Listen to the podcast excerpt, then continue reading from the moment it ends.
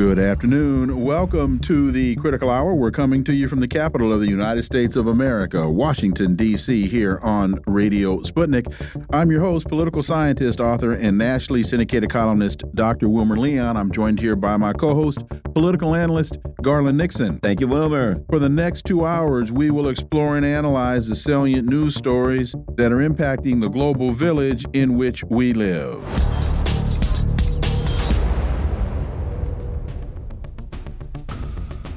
The White House writes early stages of Israeli ground assault in Gaza shrouded in secrecy. Israel has now launched what it is calling the second phase of its assault to destroy Hamas in Gaza, a conflict Prime Minister Netanyahu described as his country's second war for independence. What are we to make of all of this? Well, for insight, let's turn to our first guest. He's an award winning broadcaster and journalist based in Beirut, Lebanon, Laith Marouf. As always, Laith, welcome back. Great to be with you guys. So it's being reported in the West that Israeli troops are inside the Gaza perimeter, probing, destroying tunnels, and leaning in close quarter combat or learning in close quarter com combat about the Palestinian fighters who have shocked the world when they attacked Israel on October 7th. Laith, what's how's it being reported there? Well, we have uh, clear videos of the Israeli military uh, going into uh, Gaza, but uh, in areas that are open fields. Uh, so they haven't been able to reach any um, residential areas or areas that are built up, and they had to withdraw already. Uh, in fact, uh, late uh, yesterday, uh, in a in a similar attempt for the Israelis to enter from the Erez crossing in North Gaza, the fighters of the Palestinian militias, resistance fighters, uh, surprise the invading uh, force by by exiting uh, from behind their lines from and then surrounding the Israeli force inside the Erez crossing and uh, clobbering them. Um, so we know that up until now, the Israelis haven't uh, been able to actually enter Gaza. They they keep on, you know, uh, making these statements that they have, but they haven't. And every time that they try to enter, uh, with even American special forces, they got uh, repelled and uh, suffered heavy losses. So uh, to hear Netanyahu talk about Israel's second uh, war of independence, this is very funny because the first war in 1948 the Zionists, who were armed by the whole West at the time, faced uh, Palestinians uh, with uh, World War One um, rifles, and uh, every other Arab state was still colonized uh, under direct rule of the French and, and the English, except Syria, who had a few uh, a few cannons again from World War One. So you know, you know the the way that the Israelis tout the 1948 uh, war as you know facing all the Arabs and we won against them is like uh, the settlers in the U.S. Uh, saying that they were facing all the indigenous nations who had uh, uh axes and and arrows and bows while the invaders had uh, guns and and and armament. This is now this is the first time that the Israelis are actually facing a enemy that is uh, uh, has enough significant military power that is with small numbers can take on their whole army. And that tells you how much of a cowardice uh, settlers are. Usually settlers are cowards uh, just like american soldiers are cowards. They they fight from the air. They can't face their enemy on the ground. And a battalion of 1,000 Hamas fighters was able to take out uh, 12 brigades of the Israeli military. So uh, I doubt they'll be able to enter Gaza without losing the rest of their army. Let me ask you this: two things I'll put together. You said that um, the U.S. Special Forces were involved. I know that um, recently there was a statement made from Kamala Harris who said the U.S. had no intention of direct engagement in Israel. Um, I, I would read that. I believe it was on Al Mayadeen, and um, also um, what's going on as far as you know we're saying hamas might get involved but from what i'm hearing there's been in northern israel and lebanon there's been pretty direct engagements as far as missiles and shelling um, between the israeli military and the us anyway those two things. I mean the, excuse me the israeli military and hamas. Uh, hezbollah i'm getting it all confused. There's too many parties yes. here go ahead. Yes. Uh, well look uh, you know, the Israelis uh, lie as often as they breathe. Uh, and that's that's uh, a trait that everybody should take uh, any word that comes out of the Israeli uh, government uh, with a grain of salt. And similarly, it's it's the same with the United States officials.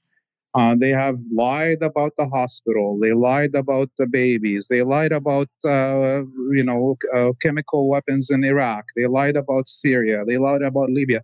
There is no moment that I can remember right now that an American uh, official, government official, has not lied when we're talking about international issues. Uh, so we have to stop referring to American and Israeli official statements as, as factual in any form or shape.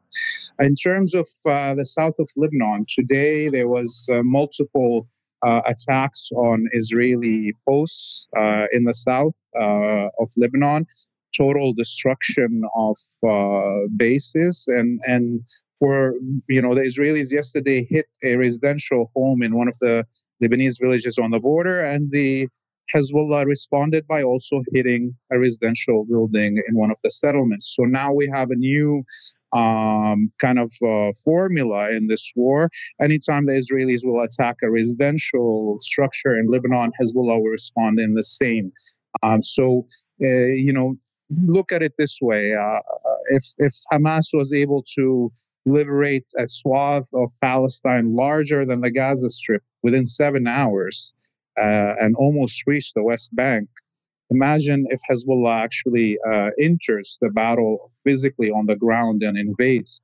And uh, you know, yesterday the uh, Hezbollah released a 10-second video of uh, Sayyid Hassan Nasrallah, the Secretary General of Hezbollah just walking past a flag of Hezbollah, and that freaked out all of Israel. And then uh, this, you know, we heard this morning that he will be speaking uh, Friday at 3 p.m. Beirut time uh, at a uh, mass funeral for a commemoration for some of the Hezbollah fighters that died in the past few weeks on uh, the path for the liberation of uh, Jerusalem.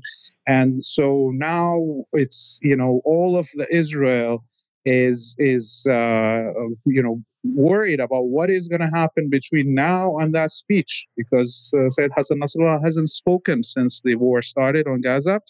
And uh, for him to give a heads up uh, four days, five days before, it seems like you know his the, the the content of his speech will be determined by the next few days what happens in them and and I think uh, if I was uh, a leader in Israel I'll be trying to wrap up right now before uh, things uh, escalate uh, in ways that uh, they can't control.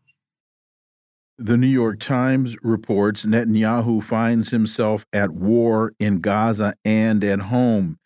He had a message. His military and security chiefs, he said, had failed to provide him with any warning of the surprise Hamas assault on October 7th. He appeared to be placing all the blame on them for the colossal lapses, even as Israeli forces were broadening a risky ground war in Gaza. This is from the New York Times.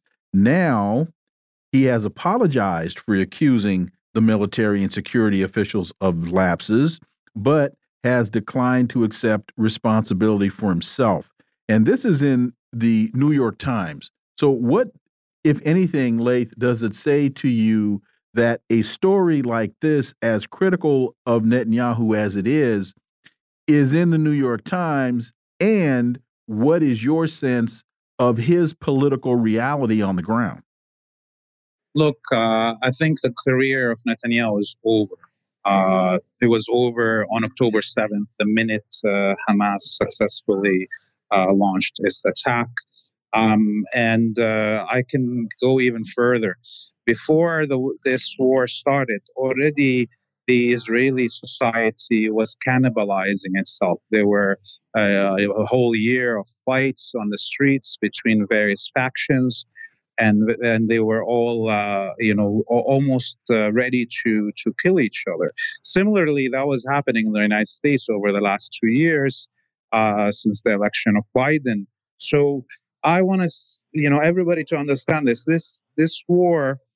No matter where it goes from this point on, even if the Israelis accept surrender and they stop this war and acknowledge their defeat, as well as the United States, acknowledge the defeat and, and do a full exchange of prisoners between both parties, the next day there will be a civil war inside Israel, if not inside the United States. And I think this is the brilliance of the uh, strategic uh, plan that the resistance axis put forward, because no matter what happens from today, it's already determined. The end of Israel is determined whether it's through a battle uh, that takes the whole region, uh, uh, engulfs the whole region, or whether it's the Israelis admitting defeat and changing, they will collapse internally.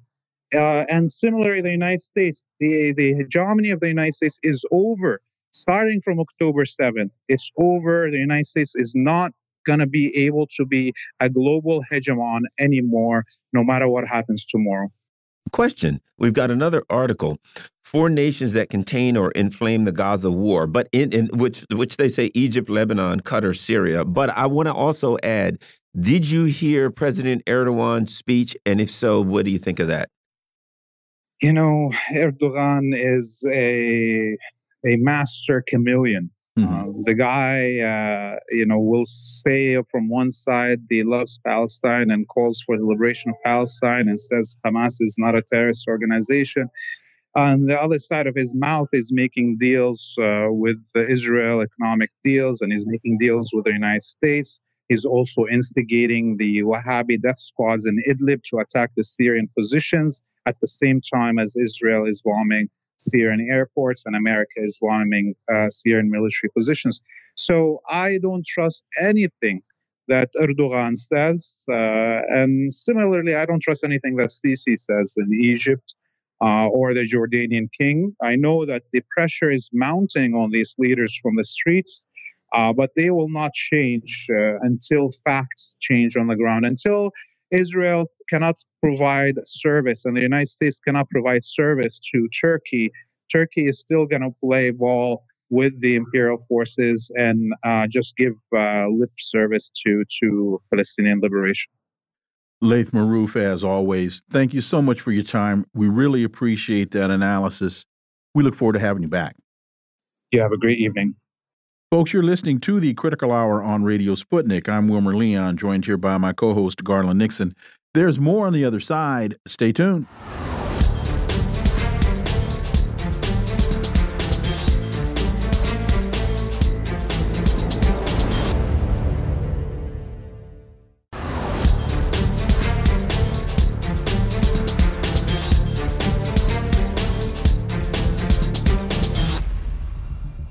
We are back, and you're listening to the Critical Hour on Radio Sputnik. I'm Wilmer Leon, joined here by my co host, Garland Nixon. Thank you, Wilmer. Antiwar.com reports Russian forces pushing to encircle eastern Ukrainian, Ukrainian city of Avdiivka. Reports say Russia is making gains to the north and south of the city. What's the significance of this? Well, for insight, we turn to our next guest. He's a Moscow based international relations and security analyst, Mark Sleboda. As always, Mark, welcome back. Dr. Leon Garland, thanks for having me. It's always an honor and a pleasure to be on the critical hour. So, and we saw this reported in a number of different sources. Uh, Russian forces are pushing to encircle Avdiivka, a city in eastern Ukraine's Donetsk Oblast that's about three miles north of the provincial capital, as fighting continues to rage along the entire front. The Washington Post reported on Saturday that Russian forces had advanced to the north of Avdiivka in recent days, uh, according to South Front, uh, which publishes daily maps of the battlefield situation. Mark, is this eerily reminiscent of Bakhmut, or uh, are there differences? What What is the significance of this? Yeah. Um, okay. So I, I I think that I mean the, the, there are always uh, similarities with uh, the, the I think the types of military operations when moving into an urban area to make comparisons with Bakhmut. But I think that that can be overdone as well. Bakhmut was a very specific operation uh, that involved, um, uh, first of all, it involved Wagner, uh, the uh, then Russian uh, PMC, uh, security contractor forces primarily, and um, Wagner was essentially, as far as we can tell, under orders to drag out that conflict as a meat grinder to give the Russian military time to train up the 300,000 reservists and what would soon be a flood of uh, contract soldiers signing up to to join the military uh, to uh, participate uh, in the SMO. Um, I don't think that there's any sense uh, with Avdiivka that this is something that needs to be dragged out for the purpose of of specifically degrading the Kiev regime's military. I mean, that is always uh, the ultimate goal in a war of attrition. But uh, Avdiivka is very strategic, and also I think the time has come to take that particular piece off the board. What, Avdiivka what makes is, it, yeah, what makes it so significant? Yeah, Avdiivka is the most powerful fortress city in all of Ukraine. It is the most heavily defended and fortified, many times more so uh, than Bakhmut. Avdiivka has been built up for a decade. It is its close location. It is the platform from where the Kiev regime has shelled Donetsk uh, city and the surrounding areas of the DNR for the last decade.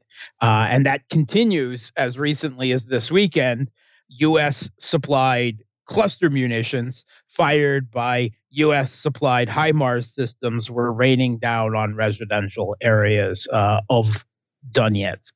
And the Russian government uh, has decided that they are, are finally ready, finally have the forces in place, um, uh, both in manpower uh, and in terms of firepower uh, to uh, take on Avdiivka. And while they are conducting a very powerful softening operation with the uh, FAB guided glide bombs, the equivalent of the US JDAMs uh, from airstrikes, artillery, uh, thermobaric warheads, um, the um, uh, drones, the Lancet drones, uh, the, the, they're all playing a very important role in softening this. But more importantly, they are looking at a, a complete or nearly complete encirclement, which never actually, you know, that never actually fully was achieved with Bakhmut. Um, and uh, I think that Russia is fighting hard for this encirclement, but they are progressing. Uh, the, the Kiev regime is is certainly not uh, making it easy for them, but Russian forces are steadily gaining. Um, and uh, there is increasing an alarm coming out on reporting, uh, not only from the soldiers uh, uh, in uh, that are are fighting for the Kiev regime, and there are some. There were some fifteen to twenty thousand of them a week ago, but the Kiev regime is trying to uh, send as many reinforcements. Uh, it has already exhausted all of its strategic reserves. Uh, uh, throwing them into the ill-fated NATO planned offensive to the south, but it is pulling troops off of other fronts, left and right, uh, and, and, Zelensky has apparently given the order to hold Avdiivka at all costs. Um, and over the last, I would say, 10 days, there was very heavy fighting over a, a series of heights to the northwest of Avdiivka, part of the Russia's encirclement arm. Uh, this is a, a you could call it an artificial heights or a slag heap.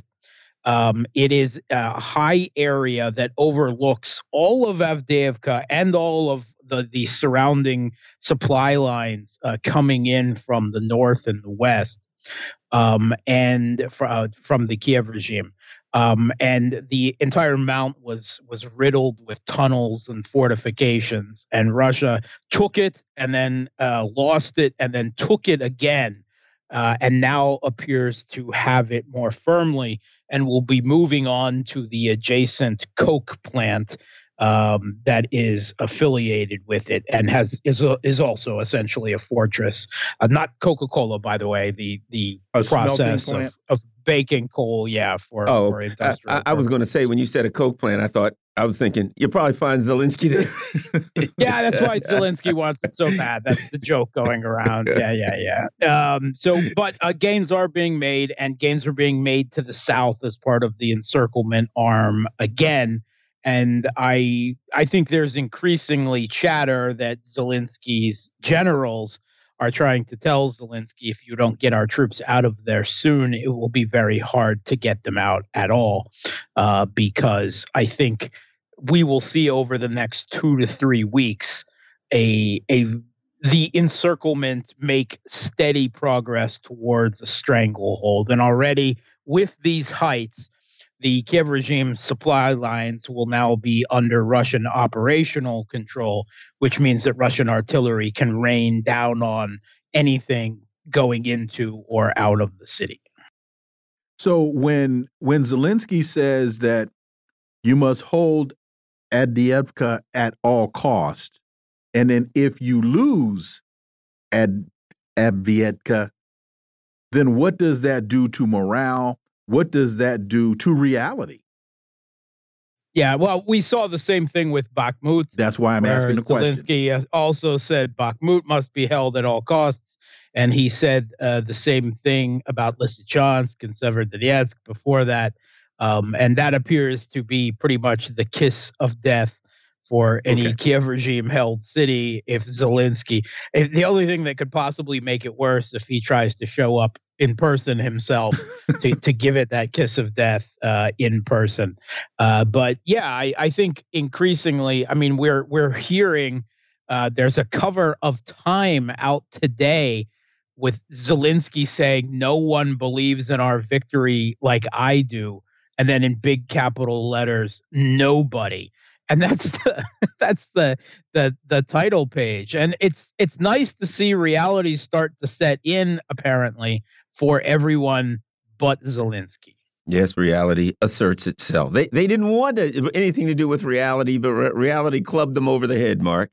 Now, what's happening in Dagestan? We understand that they were at the airport that there was mobs, and that they said they, that people said that they were looking for um, Israeli refugees, and this seems to be a big story. Seems to be possibly fallout from the uh, the um, Israeli conflict. What do we know? And, and not only did they re allegedly attack the airport, they actually, from what I one thing I was reading, attacked an incoming flight.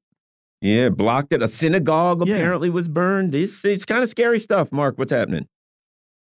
Yeah. Okay. So, uh, Dagestan. Dagestan is a small republic, a Muslim majority republic, uh, a traditional uh, Sufi Islam uh, in southern Russia.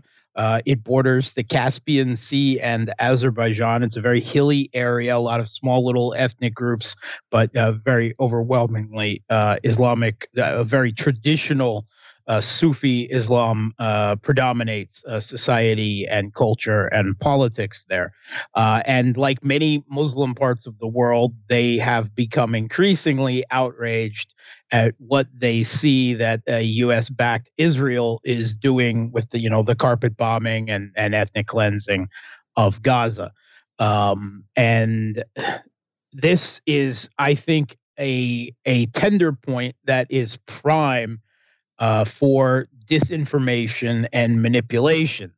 Um, enter a um, Telegram channel. Telegram is a social media channel popular in Russia and Ukraine um, called Morning Dagestan. uh, that presents itself as it is a channel of locals and local Dagestani interest. It is not. It is a Telegram channel that was created uh, by the people uh, of the former Russian citizen and briefly former Russian um, uh, uh, Parliament Duma member Ilya Ponomarev, now a citizen of Ukraine and working intimately with the Ukrainian intelligence agency, the SBU. Ilya Ponomarev once purported to be a liberal, but is just really rabidly anti Putin. And how rabidly anti Putin is he? Um, well, he's written a book entitled Does Vladimir Putin Have to Die? Um, he regularly has been attending uh, for years now uh, in self exile uh, think tank uh, meetings in Washington, D.C. on how to go about regime change in Russia. And he has tweeted openly before that um, uh, all that Russians who you know refuse to recant their support for Putin must be hung mm. which appears to be the vast majority of the Russian population. Uh, and as a liberal now for Ukraine, he serves as pretty much the spokesman for the uh, the Kiev regime aligned Russia volunteer corps, the openly fire breathing, unquestionable neo Nazis, I would say the Satanists of neo Nazis and the Russian volunteer corps. And by his own account, his non existent revolutionary group inside Russia fighting against the Russian government consists of the far right and anarchists. Okay. Well, um, they've been flooding this telegram channel with stories for days now about a, a underground network of, of bringing uh, Russian Jewish refugees uh, in uh, uh, into uh, the Dagestani cap- capital, Makhachkala, um, and that they, not only were they bringing them in, but the Telegram channel went off on all kinds of crazy stories about how they were there to take over Dagestan and kill all their families and convert all their families to Judaism.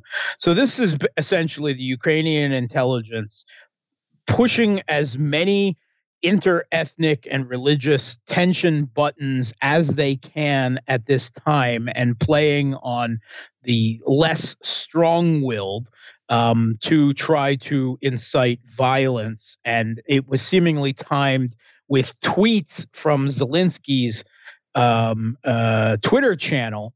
Uh, to try to depict Russia as an anti Semitic country uh, and and you know uh, full of hateful people and hateful of other countries and other nationalities and the like, which is ironic since Putin was just praising the Jewish faith and opening Jewish centers last week.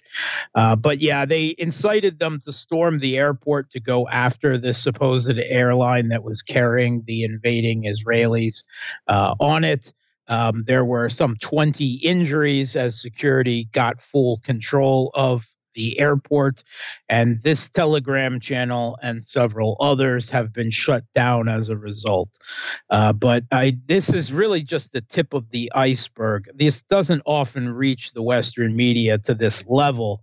Uh, because of the, the the level of success they had with this, but the SBU is constantly running psyops like this, trying to play on weak minded people, on interethnic and religious tensions, doing everything they can to try to destabilize Russia. They haven't have been having much success. Uh, but you know, uh, on on local little individual levels, it's sometimes shocking what they are able to to convince people to do. Meanwhile, the uh, Russian Mufti Council and the High Mufti of Dagestan have come out and said that racism and anti-Semitism is a form of racism is unacceptable in Islam and lumping all together uh, people of a religion or ethnic group uh, with the actions of a few uh, and and directing hate at all of them as a result is uh, against the teachings of Muhammad, who even had a Jewish wife, and and so on. They've they've outright condemned this. Uh, and and basically told uh, all of the people who were you know subject to being incited by this, uh, you you need to go back to the mosque and start listening to what we're saying. Attacks on U.S. bases in Iraq and Syria continue after U.S. airstrikes. Uh, Lebanon's Al Mayadeen reported that a group calling itself the Islamic Resistance in Iraq said it successfully targeted the U.S.'s Al Shaddadi base in northeast Syria's Al Hasaka province yesterday. Um, we're starting to see an uptick in uh, these types of attacks on U.S. bases. Uh, your thoughts, Mark Sleboda? Yeah, I mean, we're talking about illegal U.S. military occupation bases in East Syria, sitting on and smuggling out Syrian oil uh, and wheat um, to prevent the the you know reunification and reconstruction of Syria after the U.S.'s jihadi uh, proxy regime change efforts failed. Um, we have seen uh, we we've long seen attacks on U.S. bases there, but usually they're few and far between. Um, there has been a definite uptick, and in response, at the end of last week, the U.S. conducted uh, airstrikes in Syria because they just feel that they can do that, um, uh, attacking what they said were Iranian or Iranian backed forces. Um, and um, there is probably something to that. Uh, Iran does maintain a group of uh, Shia uh, organizations throughout the Middle East that it calls the Axis of Resistance. Um, and if it takes action against Israel uh, over, uh, you know, uh, the the carpet bombing and ethnic cleansing of Gaza, then it is likely to be through this axis of resistance. So um, I would expect to see such incidents, not just in Syria, but in Iraq and across the region, uh, increase and increase as the U.S. becomes more and more involved in Israeli operations there. Uh, and we have seen the U.S. Uh, also rushing air defense, more troops to buttress their bases mm-hmm. in Syria and across the Middle East. Mark Sleboda, as always, thank you so much for your time. Greatly, greatly appreciate that analysis, and we look forward to having you back. Thanks for having me. Folks, you're listening to the Critical Hour on Radio Sputnik. I'm Wilmer Leon. I'm joined here by my co host, Garland Nixon. There's more on the other side. Stay tuned.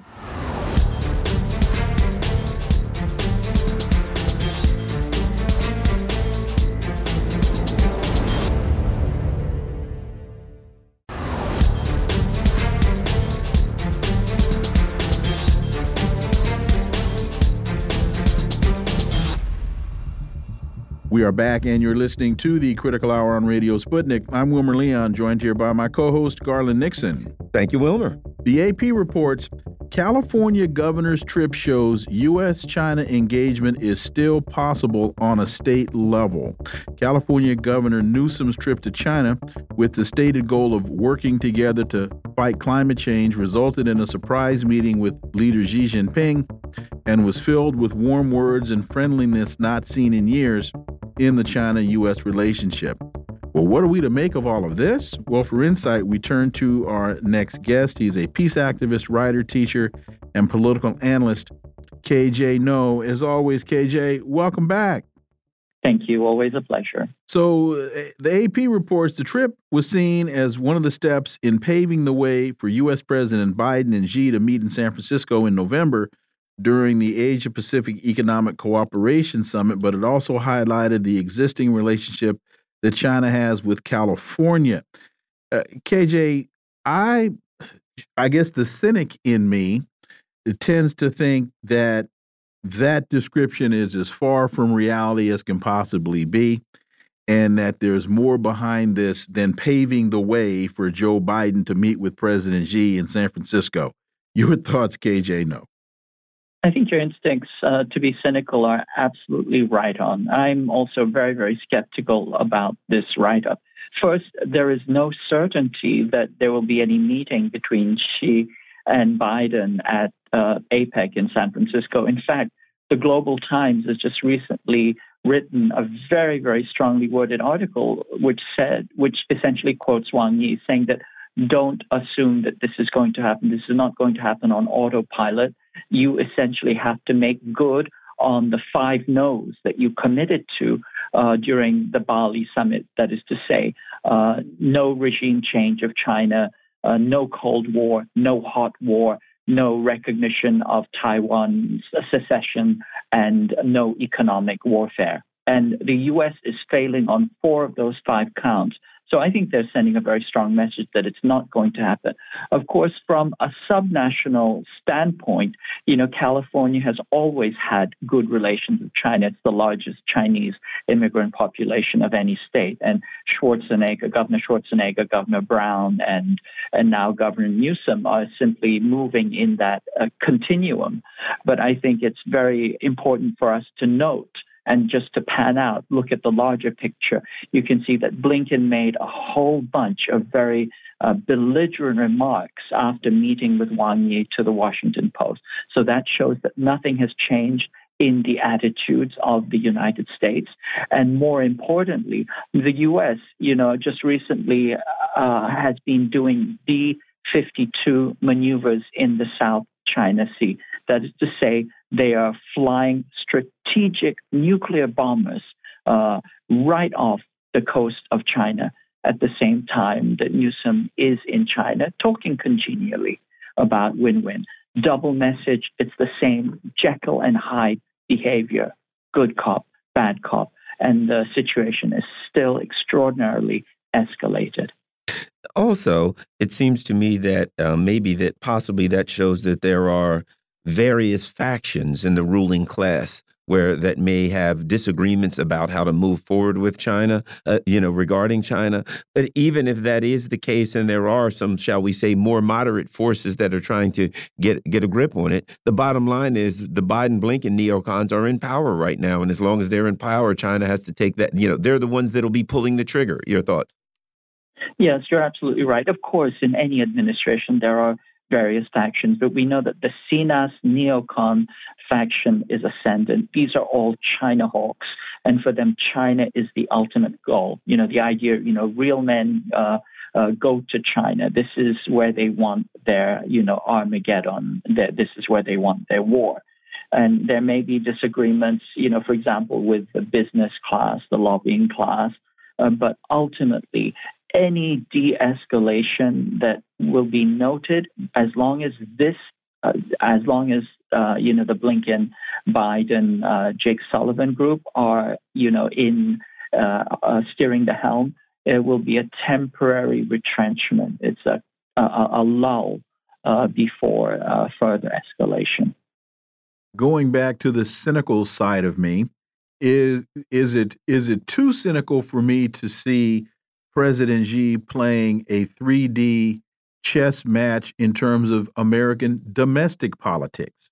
Because looking at the peer to peer relationship, there would really be no direct reason for President Xi to meet with a with a with an American governor, uh, particularly after Blinken and and and Biden have made, and I'll even throw Janet Yellen in there and and the Trade Secretary, uh, whose name I I can't remember, you know, none of those meetings really seemed to go that well.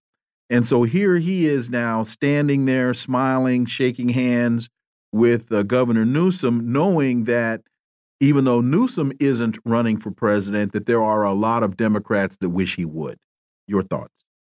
Yes, Garland. I mean, you know, it's that old saw No matter how cynical you get, it's never enough. okay. I think this applies in this situation. Yes, the Chinese are working strategically uh, they're working long term. They're all about building relations. The foreign ministry has a you know directive to build relations, to build back up relations, and that includes people to people and cultural exchanges.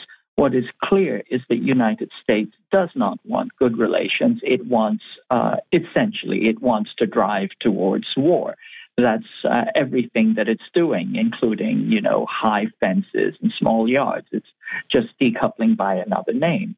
And so the Chinese are working to build relations. They're working to build relations in all dimensions, and that is certainly kind of a three dimensional thinking.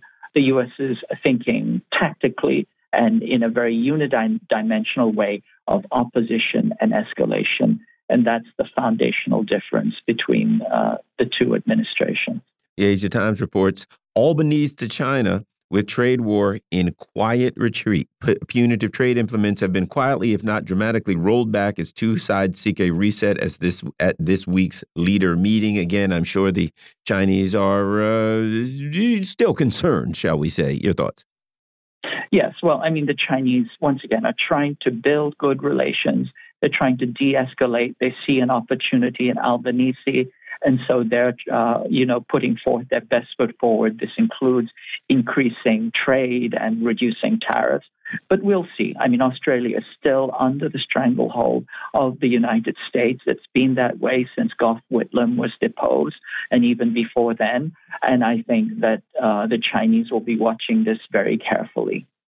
In looking at it, how significant is the fact that the that China has imported is importing a lot of goods from Australia. Uh, they talk about 200, well, 127 billion dollars in in U.S. dollars. China has imported uh, 127 billion in uh, in Australian goods and services. Uh, that looking at that, that says to me that's a pretty good trade relationship, and they're trying to build upon that. Um, so, how how significant is that in terms of a, a solid base to develop even a better relationship? Well, I think we'll know because uh, Albanese will be traveling uh, to China on from on November fourth to meet with President Xi Jinping, and we'll watch, you know, the the nature of the interactions, uh, the the rollout, etc. But uh, you know, this is the first uh, uh, trip by an Australian leader to China in in what seven years. Uh, and it came after a breakthrough over, you know, wine tariffs uh, that have, you know, completely, you know, that, that were putting the Australian industry uh, into a deep freeze. So I think that, you know, these these are good signals. Uh, I think that, you know, trade is always, uh, you know, beneficial. The Chinese always want win-win relations. But there are other pieces on the agenda. For example, Huawei and uh, and also AUKUS. And so we'll see how these things pan out. I think there's still a lot of ground where they can find common interest, uh, but at the same time, there's still a lot of institutional belligerence that the previous administration has uh, built into the system uh, because of U.S. pressure.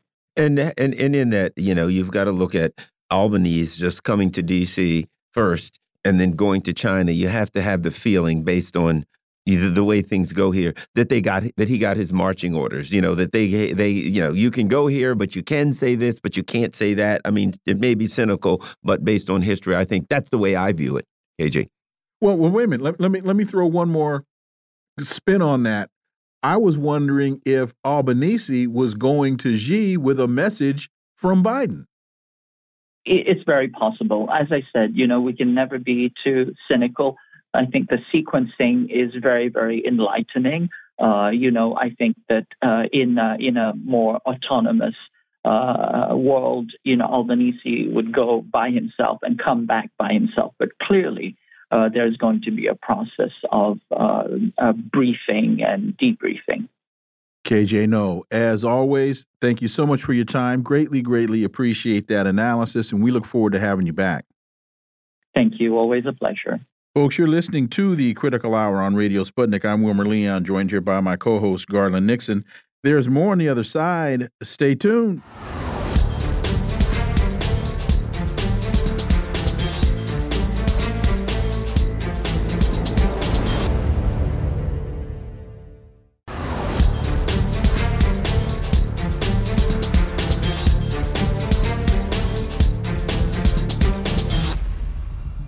We are back, and you're listening to the Critical Hour on Radio Sputnik. I'm Wilmer Leon, joined here by my co host, Garland Nixon. Thank you, Wilmer. Aaron Mate writes Joe Biden's Armageddon From Gaza to Ukraine, the White House newly prioritizes hegemony over humanity. At a private Manhattan fundraiser a year ago this month, President Biden shared an assessment that he had not told the public. From his vantage point, and again, this was last year, he told a room of Democratic Party donors the world faces the prospect of Armageddon for the first time since Kennedy and the Cuban Missile Crisis. Well, what was Biden acknowledging or admitting to then that has changed in the world today? For insight, let's turn to our next guest. He's a retired senior security policy analyst, Michael Maloof. Michael, welcome back. Thanks for having me. So Aaron Mate continues. One year later, Biden is not only doubling down on his apocalyptic approach in Ukraine, but adding a second front in the Middle East. The White House has asked Congress for a new spending package that would provide over $14 billion for Israel's assault on Gaza and more than $61 billion for Ukraine, the largest such request since Russia's February 2022 military intervention. Your thoughts, Michael Maloof? Well, in my opinion, um, these are all self manufactured crises uh, put upon by the neoconservatives within the Biden administration, uh, not only internationally, but also domestically. And in three years, how we could deteriorate so far, so fast, is is mind boggling. And and it, it, it has to be purposeful. And I, am seeing this accentuated in our in the policies that we have uh, uh, broadcast to the world internationally uh, in trying to contain and if not get regime change in Russia, that has failed miserably. Uh, Ukraine was just a pawn. Now we have the Israeli situation. Uh, I think there's evidence to show that Netanyahu knew what was happening, but I don't think he was that he knew what the extent of attack would would be the way it was on seven on seven October. So I think that uh, now he's now he's really into it to it, and he has to. He has no other choice. Meantime, he's uh, he's hearing increasing demands for his uh, for him to step down, and the United States, of course, is moving has moved in at least two uh, carrier strike groups and and and and Marines, and you wonder what they're going to be used for. I think what's going to be significant, uh, you know, I think the, the whole idea is for deterrence so that Hezbollah doesn't get into the fray. But uh, what's what's going to be happening uh, this Friday, I'm now told, is that um, uh, Hassan Nasrallah, who is the uh, Secretary General of Hezbollah, will be making a significant statement on Friday. So that's going to be something to listen to and see what direction Hezbollah will go in light of all this. I know he has the support of the uh, Lebanese people as well as the Lebanese army. And those are two significant factors uh, to weigh in. And, and as Israel continues to do what it's doing uh, in uh, in Gaza, uh, it's it's intensifying the conflict, not diminishing. And that, then then we have other, and then the ultimate goal, of course, is to go after Iran. That I think is has always been Iran's or Israel's uh, goal. And now that they got the United States sucked into it, uh, I think that uh, now now Netanyahu feels emboldened, notwithstanding the the domestic uh, opposition he has. And on top of all that, we have crises that are still looming in the Pacific, Asia Pacific. So, uh, and and these these again are all things that were precipitated by the Biden administration and the neoconservatives at the top at the State Department. It's been the State Department that has led all of these efforts, and of course they have Tory Nuland, Victoria Nuland, uh, uh, Blinken. These are all neoconservatives that uh, want to use uh, that that want to push American version of democracy and their hegemony around the world. And I think what they're realizing is that it is being highly challenged as a result of uh, Russia, China, coming together, the the role of the of the BRICS countries, the de-dollarization, again, all purpose, all brought about by the Biden administration's actions.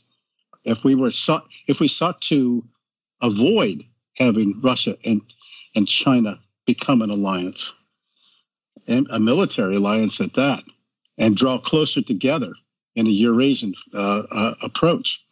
Uh, we, we we perpetuated it with all of our actions. So it's it's actually we've actually done this to ourselves. And not only did we shoot ourselves in the foot, but we're shooting ourselves in the head. And and uh, and now the now it's we're on a slippery slope. How do you how do you stop what's now occurred? It's it's it's going to be a real challenge, and we have no adult leadership in the world right now. Let me ask you this. Uh, you know, Alexander Haig referred to Israel as an unsinkable aircraft carrier. Even recently, RFK Jr. referred to Israel as an unsinkable aircraft carrier, that it's some kind of a U.S. military outpost. Basically, they're implying that we can use to, you know, project power. That's what an aircraft carrier does. We project power in the Middle East, and Africa, etc. What are we to learn from the fact that they got to send sinkable aircraft carriers now to protect their unsinkable aircraft carrier, Michael Maloof? Well, I think it. Uh, I think that illustrates the point.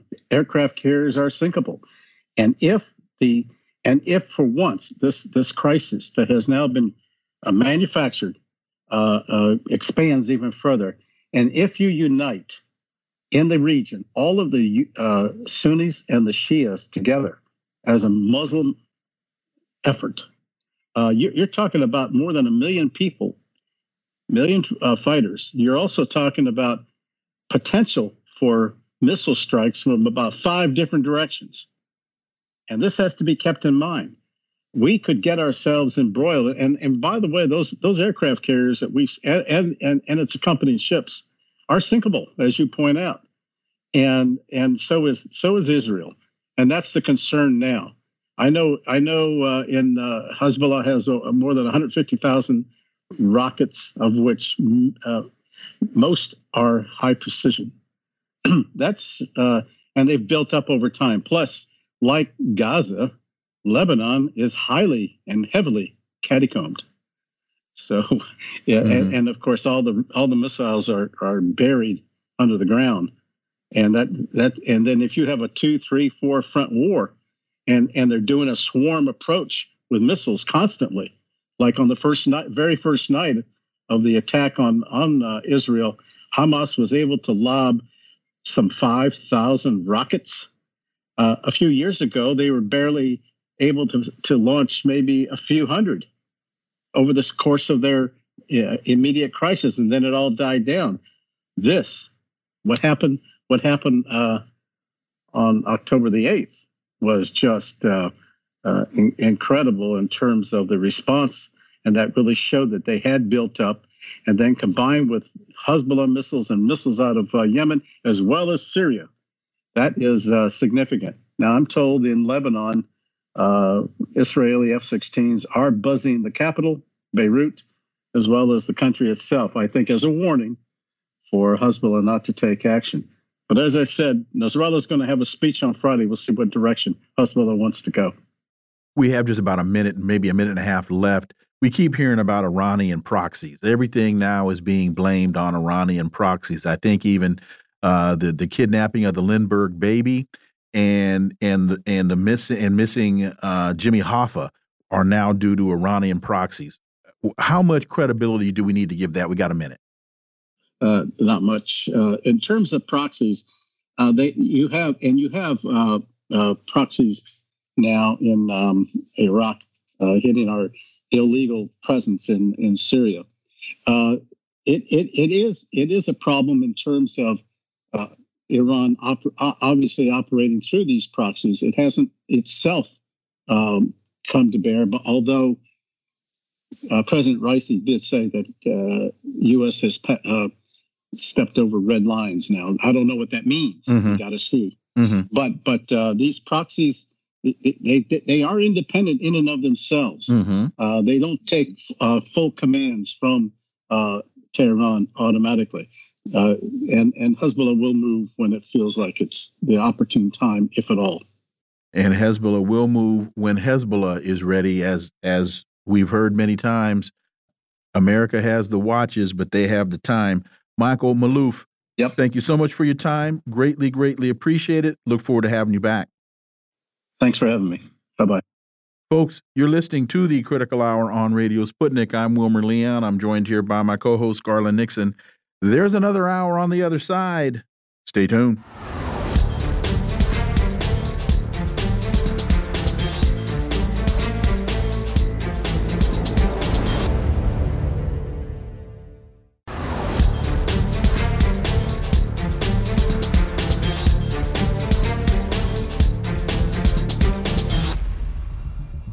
We are back, and you're listening to the Critical Hour on Radio Sputnik. I'm Wilmer Leon, joined here by my co host, Garland Nixon. Thank you, Wilmer. The Sputnik International reports Australian Prime Minister says he had no request to Biden over potential Assange release. Australian Prime Minister Anthony Albanese did not ask U.S. President Biden to facilitate the release of Australian journalist and WikiLeaks founder Julian Assange during his visit to Washington, saying the issue does not necessarily require the president's intervention. For insight into this, let's turn to our next guest. He's the co host of the Convo Couch and AM Wake Up on Rokfin, Craig Jardula. Pasta, as always, welcome back. Pleasure to come on your show. Hey, well, thank you. It's, it's even a greater pleasure for us to have you. Quote Joe Biden doesn't interfere with the Department of Justice. Joe Biden is a president who understands the separation of the judicial system from the political system. That's an important principle. Albanese told Australian media. The prime minister said it was time to bring the matter to a conclusion, but not necessarily through a presidential intervention, according to the report. Well, uh, Craig, I would say that Albanese might be able to sell that foolishness to Australian media but as I understand it, it was Joe Biden personally that that decided to stay with the Trump request for extradition.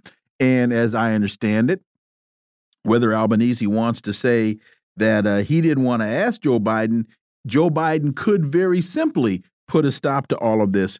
Craig Jardula.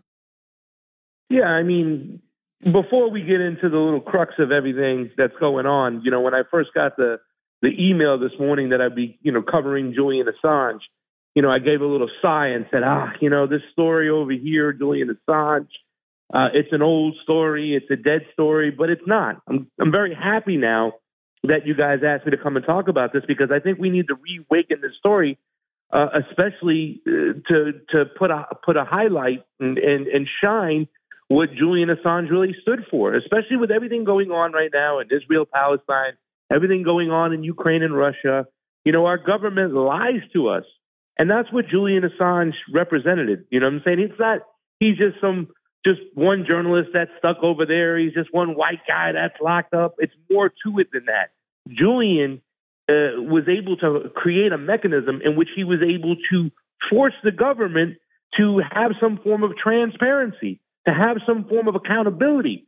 And we need to get back to that because our government lies to us about everything. And like right now, I think when it comes to this whole situation with Albanese, we know we're not stupid over here. We know that, they've had conversations behind closed doors, and the Australian government will do whatever the United States government tells them to do as far as providing cover for situations like this.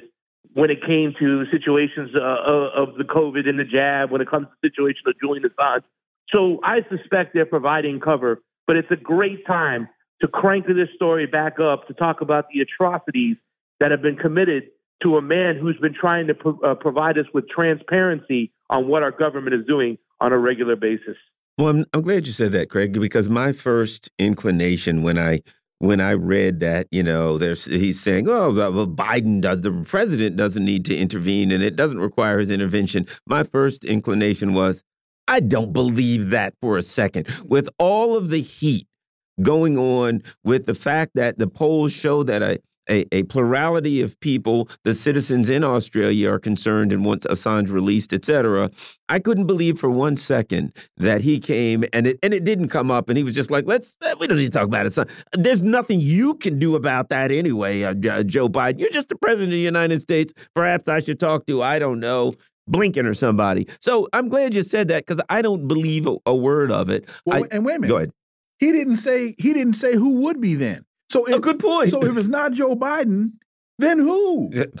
Uh, yeah. uh, Prime Minister Anthony Albanese. Tell me who to, who should I call? Yeah. Since when I call the White House, I get a busy signal. Now, although Craig, I got to say, if he met with Joe Biden, he might have walked away after talking to him and said, "You know, there ain't nothing this guy can do because he don't even know who I am."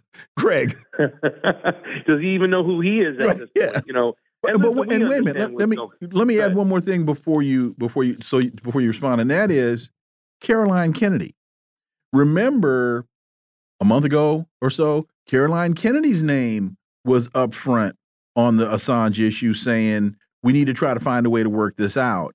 Then there was a bilateral, a, bipart a, bi a, bi- a bipartisan letter that came out last week before uh, Albanese landed calling for something to be done. So we thought that that was going to be ammunition or fodder for Albanese to say to Joe Biden, "Hey man, look, this is back at the top of the news. Joe, do." And then when they had their joint press conference, I was hoping, silly, being silly in my way, but hoping that Albanese would turn to Joe Biden and say, "Oh, hey man, by the way, I forgot to ask you about this guy named Julian Assange. Are you familiar with him?"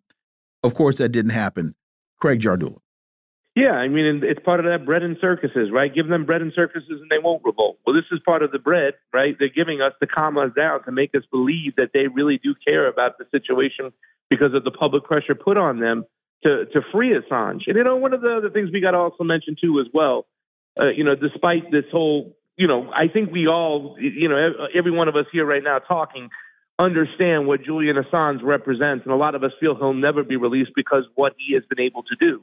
So they might give us some, you know, fodder and throw out a couple words and act like they're concerned and act like they're responding to the public pressure and they're not going to give it back. But Julian Assange has also been held for five years now in Belmarsh without any, you know, without any conviction whatsoever. He's just being held there. So that's another part because if our government can just grab us and hold on to us, any governments working together without any crime, committing any crime or being charged or convicted of any crime, that says a lot. And a lot of people have to understand what this guy did. The Afghan war logs, the Iraq war logs. You know, right now with everything going on in Israel and Palestine and the Gaza Strip, I know you guys don't believe that it's less than 10,000 people who were killed. Well, that's one of the things Julian Assange exposed with the Afghan uh, war logs and the Iraq war is that they lie about everything, including the casualties, the way they torture people. This is big right now. This is a great time to wake up and shake the bushes. And we need to demand, demand that they free Assange. Not no more this this this simple talk and this guff they give us. Free Julian Assange. Free him right now. I think it's time for people to wake up to this because it's more. It, Julian Assange is more relevant today than ever before as we are witnessing wars funded by the United States on both sides when it comes to Ukraine and it comes to Israel. And there's one more thing that you, I think, uh, Craig, you need to add to that. There's nothing, to my knowledge, that WikiLeaks reported that has been proven to be false. Everything they've published has been correct and true. Yeah, that's the big problem they have with them. exactly. That's why they're keeping them. Uh, more reasons to hold on to them and never let them go. Craig, you you made another point that I think it, it needs to be discussed, and that is we're approaching five years of imprisonment with no conviction, with nothing. And when they picked them up, they said, "Oh yeah, we're picking you up because we've got a complaint against you for sexual assault or something," which quickly dissipated and disappeared. There was nothing there. So in reality, if I got you in prison for five years, and it could be a problem politically if I bring you here, I, do they really need to do anything but keep what they're doing, keep doing what they're doing, Craig? No, because they're doing exactly what they want to do, and that's torturing the man, slowly killing him, and sending a message and a signal to anybody out there, any other reporter out there, any other journalist out there that thinks they're going to shine a light and show the true crimes of the government of the United States. They better think again. That's what they're doing right now. They're slowly torturing him, and it's it's it's crazy that they're doing it. You know what I'm saying? So, I mean, we have a lot of things. The, the true nature of what's going on. I mean, was it 2004 to 2021? Was that that's how long WikiLeaks was around? Right now, we have to also do the next step. Is that all that information that was logged into WikiLeaks? We have to find a way how to protect it, where to put it. You know what I'm saying? Because they want that information to go away. Because you know, people start opening up the books and seeing what happened in these wars and to all these invasions and whatnot, they might think differently about how they, you know, support our government or allow them to just continue to do what they do.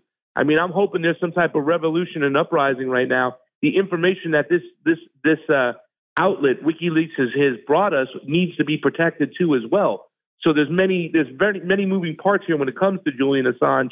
Uh, all that information, and a lot of people need to look at some of that information. They can get a true light, shine a true light on what's really going on and how often our government lies to us, especially when it comes to war. It's ironic and, and incredibly interesting that Belmarsh Prison is being is has been compared to Guantanamo Bay. It's called the British Guantanamo Bay. So people need to really understand that that not only is Julian Assange in prison, not only has he been in prison for five years with no conviction, not only that he's being held in what is compared to be uh, British Guantanamo Bay, and and what we believe at least is the last thing the Biden administration wants, or the last thing that any American administration really wants, is for him to be extradited because the public attention that his extradition would bring upon the entire issue that's some those are questions the questions that would be raised from all of that are questions that they under no circumstance do they want to be forced to answer Right. Yeah, yeah. Well, that's by keeping him in Belmarsh, right? They get their cake and they get to eat it too, because once he's, you know, eventually, I mean, I don't know how much longer he can take this this form of torture. I, I think it says there's been reports in Belmarsh where they stay isolated almost 22 hours of the 24 hours a day. You know, this is slow torture over here. So if he does die in the Belmarsh prison, then the United States doesn't have that dirt on his hands where like, well, we he didn't die with us. He was over there in British in British in British hands. You know, he was uh, being held by England.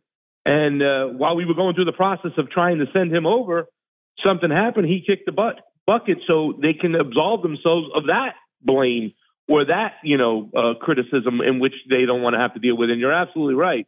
They don't want this problem on their hands. So right now, him being held in Belmarsh is the United States government getting their cake and getting to eat it too. They're getting exactly what they want because they are sending a message out there to anybody who thinks they're going to provide any transparency to what the government's doing because that's what they, they want. They don't want you to know what they're doing and they don't want you to even have a right to know what they're doing. That's why they've lied this whole situation and said what he was doing was hacking and whatnot. It was all a lie.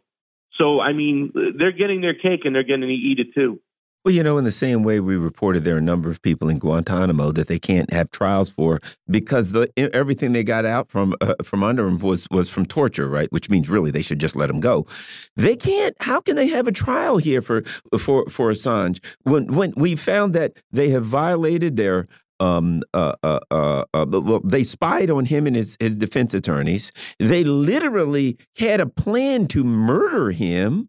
So, to me, if they get to trial, there's so many things that there is. If there's, it's going to be hard not to get this thrown. It would be the crookedest trial in the world if they don't throw it out because the stuff, the the information is there. I, I don't really think they want to get him in front of a judge. Your thoughts?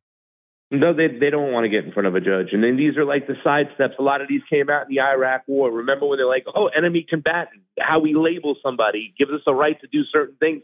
We're stripping them of their rights. You know, if we hold them in Guantanamo Bay and don't bring them to the mainland, then they don't get rights over here because they're not technically on American soil. So they have all these little um, loopholes in which they're exploiting, and and I, they don't want to have him over over here because they don't want him to have the rights right now. Okay. They want to treat him as an enemy combatant for what he has told us, and that's what they're going to continue to do. Craig Jardula, as always, thank you so much for your time. Greatly, greatly appreciate that analysis, and we look forward to having you back. Look forward to coming back, gentlemen.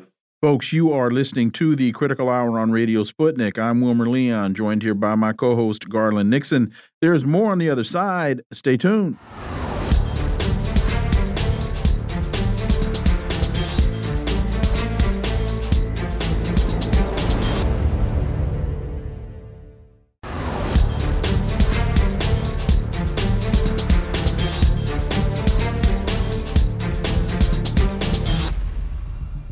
We are back, and you're listening to the Critical Hour on Radio Sputnik. I'm Wilmer Leon, joined here by my co host, Garland Nixon. Thank you, Wilmer. RT reports Trump's ex Russia expert predicts big changes in international order. Fiona Hill has suggested that the Ukraine and Israel conflicts could be system shifting wars. Fiona Hill, the one time Russia guru in U.S. President Trump's administration, has posited that the ongoing conflicts in Ukraine and Israel portend seismic global shifts that Moscow sees working in its favor. You think? Well, thank you, Captain Obvious. For insight into this, let's turn to our next guest. He holds the John J. and Rebecca, Rebecca Moores Chair of History and African American Studies at the University of Houston. He's one of the most prolific writers of our time. His latest book is entitled Revolting Capital Racism and Radicalism in Washington, D.C., 1900 to 2000. Dr. Gerald Horne, as always, welcome back. Thank you for inviting me. So this piece continues. These could be global system shifting wars, something like World War One and Two, which reflected and produced major changes in the international order, she said in an LA Times interview. In a sense, the Hamas attack on Israel was a kind of Pearl Harbor moment. It opened a second front. I would say, Dr. Horne, she's right, but she selected the wrong time in history. Because uh, I don't see we haven't won anything since World War II. We lost Afghanistan. We lost in Iraq. We lost in Libya. Pick a fight, we've lost it. So maybe Grenada, we can claim and put that in the win column. So to me, by picking the wrong war as your example, then I think you are projecting the wrong outcome, Dr. Gerald Horne.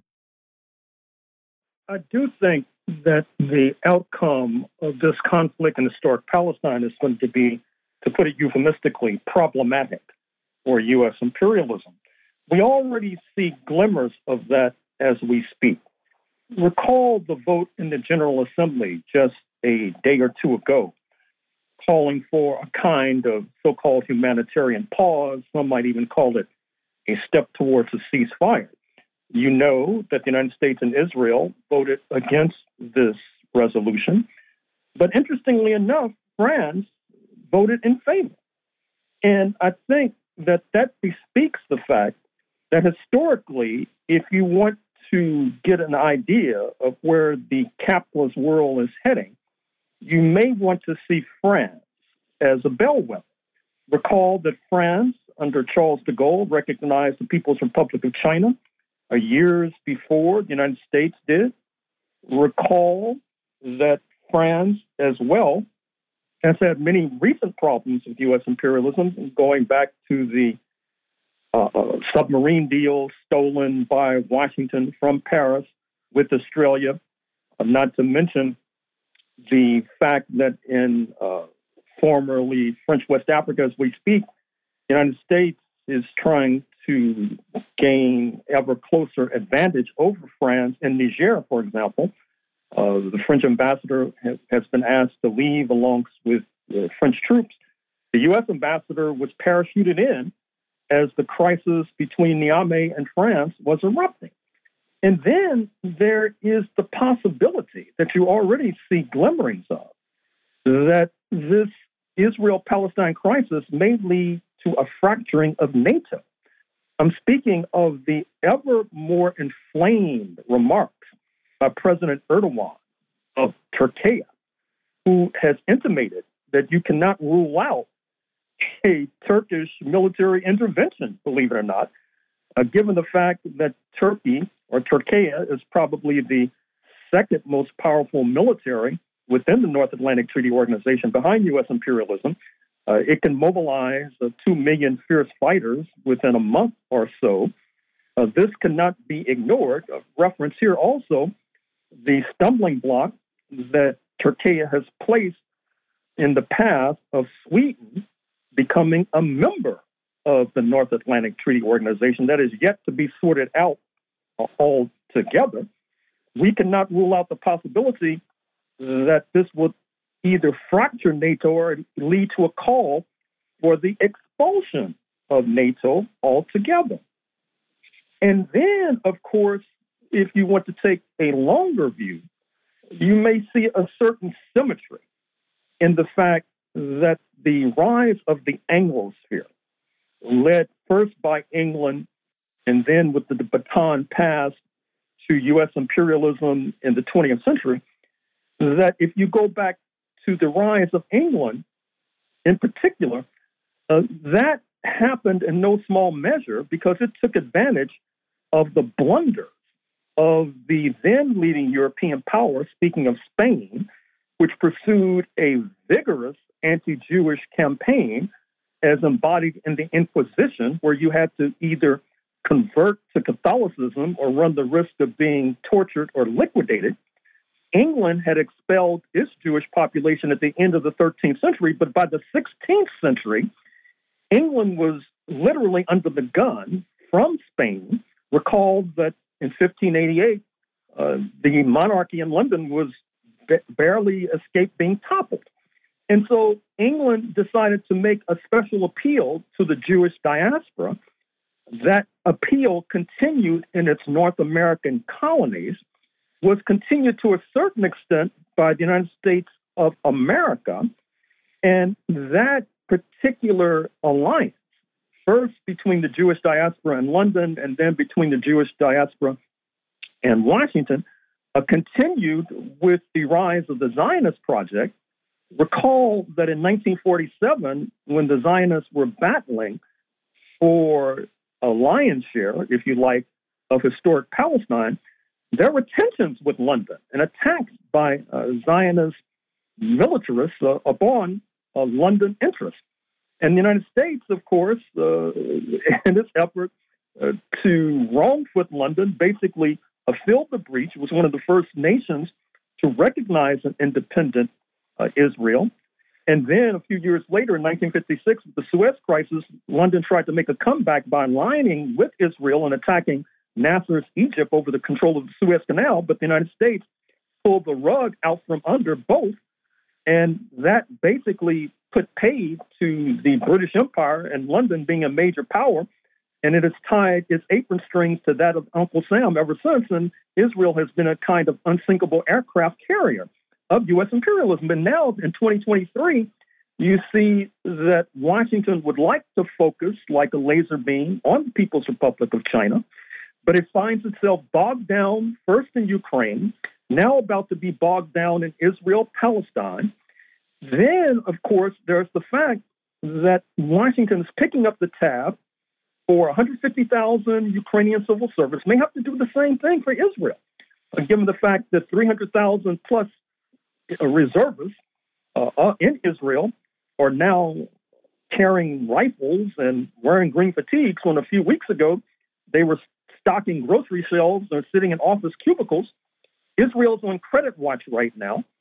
The United States government may be shutting down within a few weeks because of the ascension of the hard right Trumpista Speaker Michael Johnson. And so the crisis for U.S. imperialism c- continues but as your opening setup suggested, this crisis is rapidly morphing into a catastrophe for U.S. imperialism, a catastrophe for the ages, if you like. You know, and let me connect that to uh, another article by pa Patrick Lawrence, Full Dress Irrationality Biden Wastes an Additional $105 Billion. And basically, um, all of those problems that you have, uh, you know, uh, uh that you, you, you've explained, he talks about Patrick Lawrence gets in in in, de in, depth into Joe Biden's recent speech, and he brings out that basically the phrases from the speech, you know, American leadership holds the world together. Together? the way things are going now, the new budget request will fund Americans' national security needs. Poppycock, malarkey, as Joe Biden would say. He takes the speech apart and it is preposterous. And I look at it like the U.S. is in so much trouble, they just have to absolutely lie to the American people because they can't possibly now tell them the truth because it's so obvious, Dr. Horne.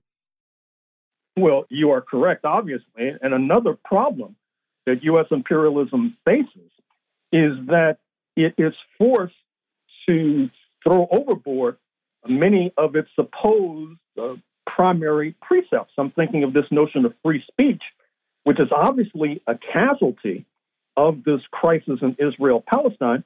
You saw the article in the New York Times, I'm sure, this morning about the Writers Guild, the script writers and the writers of television scripts.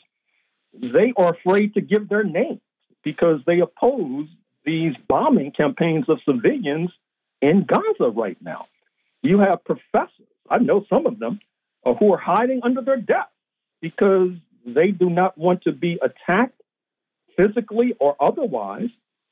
And this, once again, ties back to that historic compromise that I mentioned in my opening remarks between London, then Washington, and the Jewish diaspora.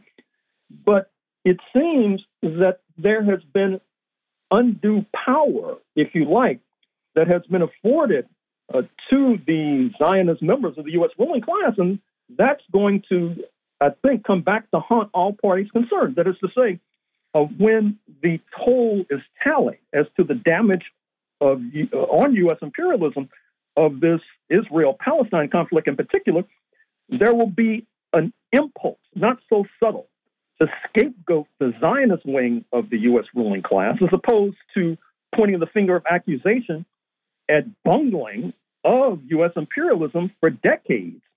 And that does not bode well. It does not bode well at all, I'm afraid to say.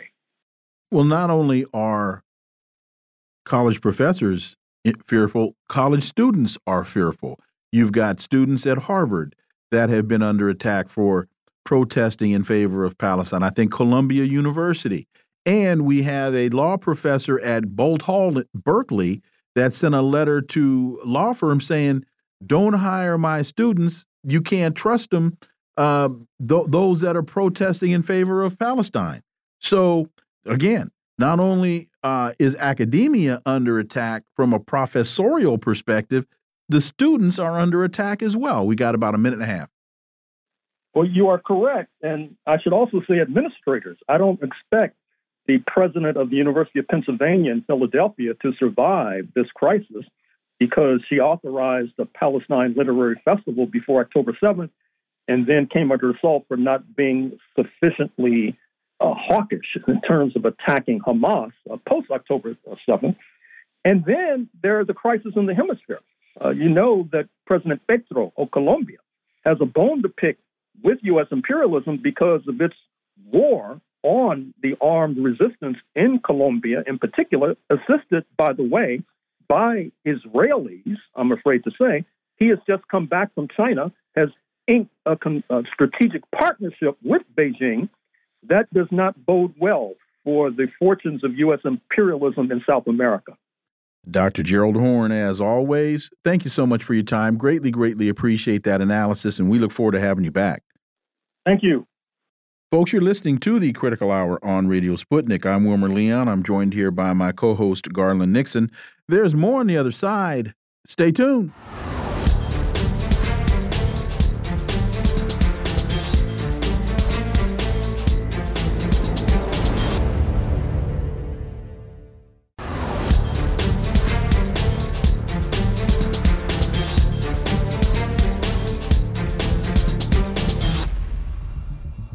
We are back, and you're listening to the Critical Hour on Radio Sputnik. I'm Wilmer Leon, joined here by my co host, Garland Nixon. Thank you, Wilmer. RT reports new German quote unquote peace party already third most popular, according to polls. Prominent MP uh, Sahra Wagenknecht announced today that the new organization will come into existence in early 2024.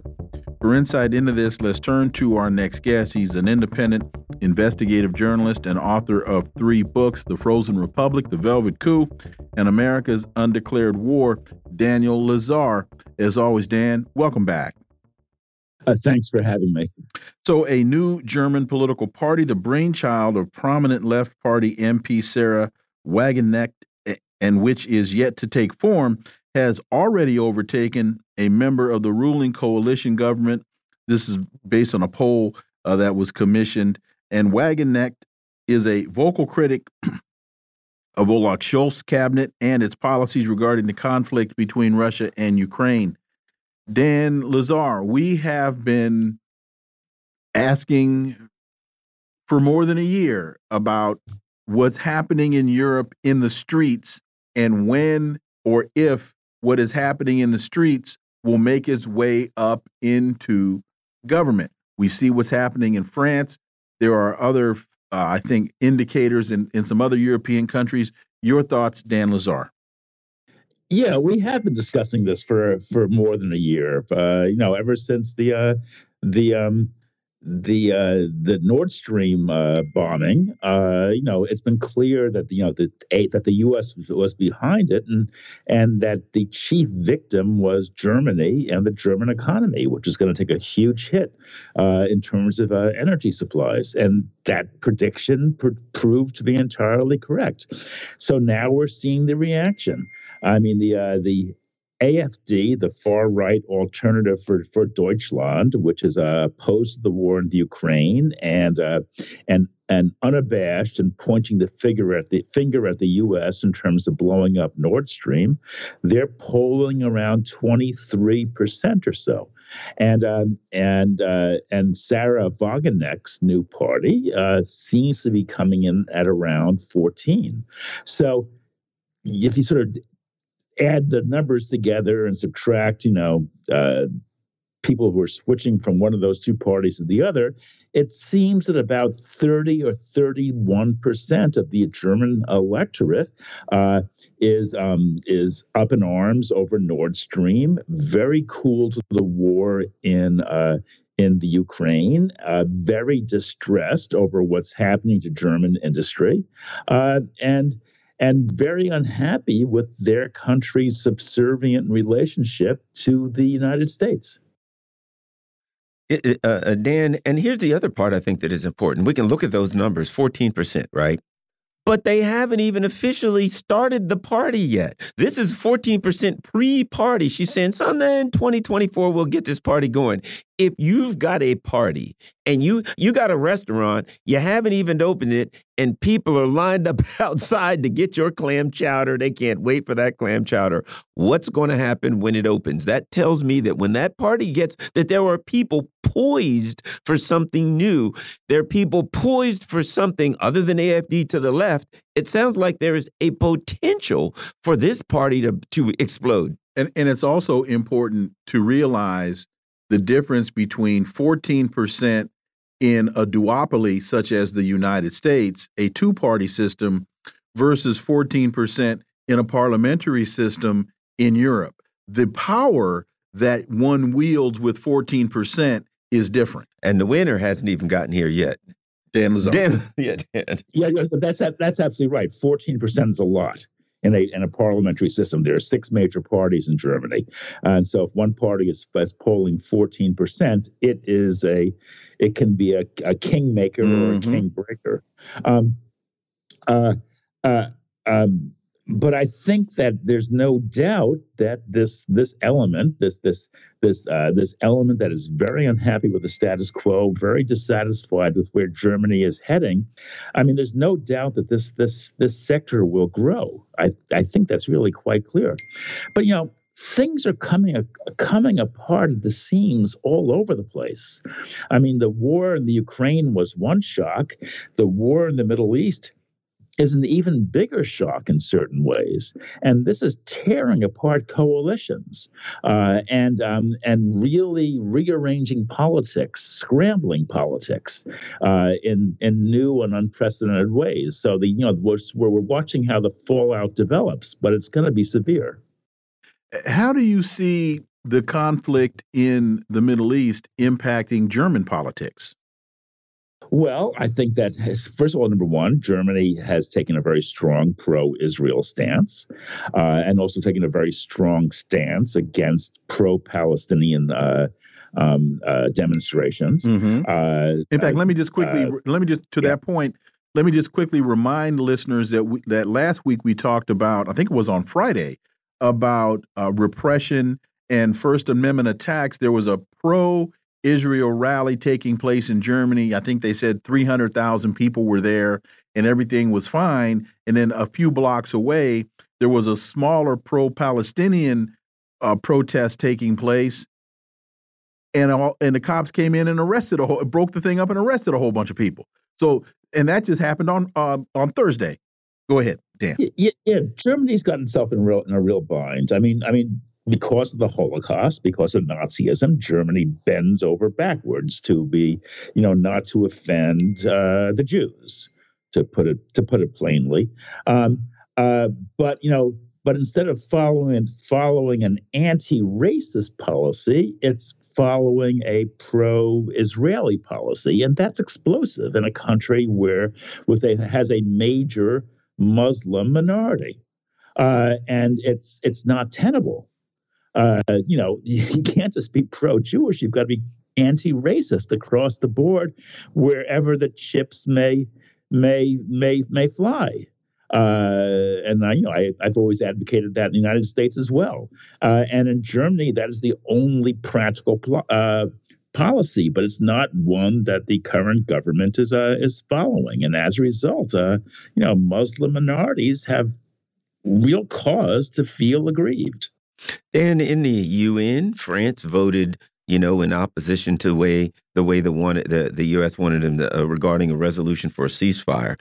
We're seeing fiery speeches from um er from President Erdogan in Turkey for obvious reasons. It's a Muslim nation, um, and of course, as we've talked about, we're going into the winter. Um, the UK, the German uh, economy are in deep and serious trouble. We've seen what's happened in Slovakia with that election and uh, Fitsta. Is NATO starting to fall apart? Dan.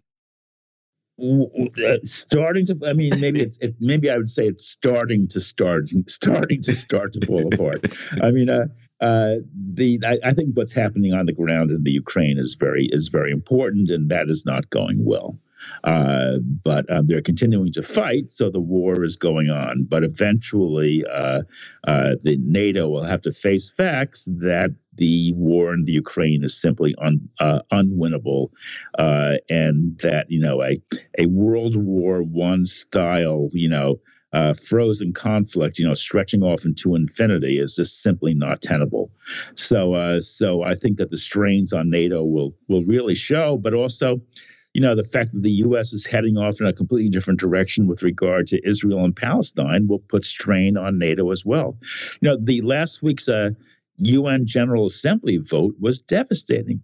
I think the numbers were 120 to 14 uh, uh, against the U.S. position of calling uh, against the U.S. position in favor of a ceasefire, with 54 abstentions, and those 54 abstentions included all the major European countries, all of America's closest allies, and all of them NATO uh, members.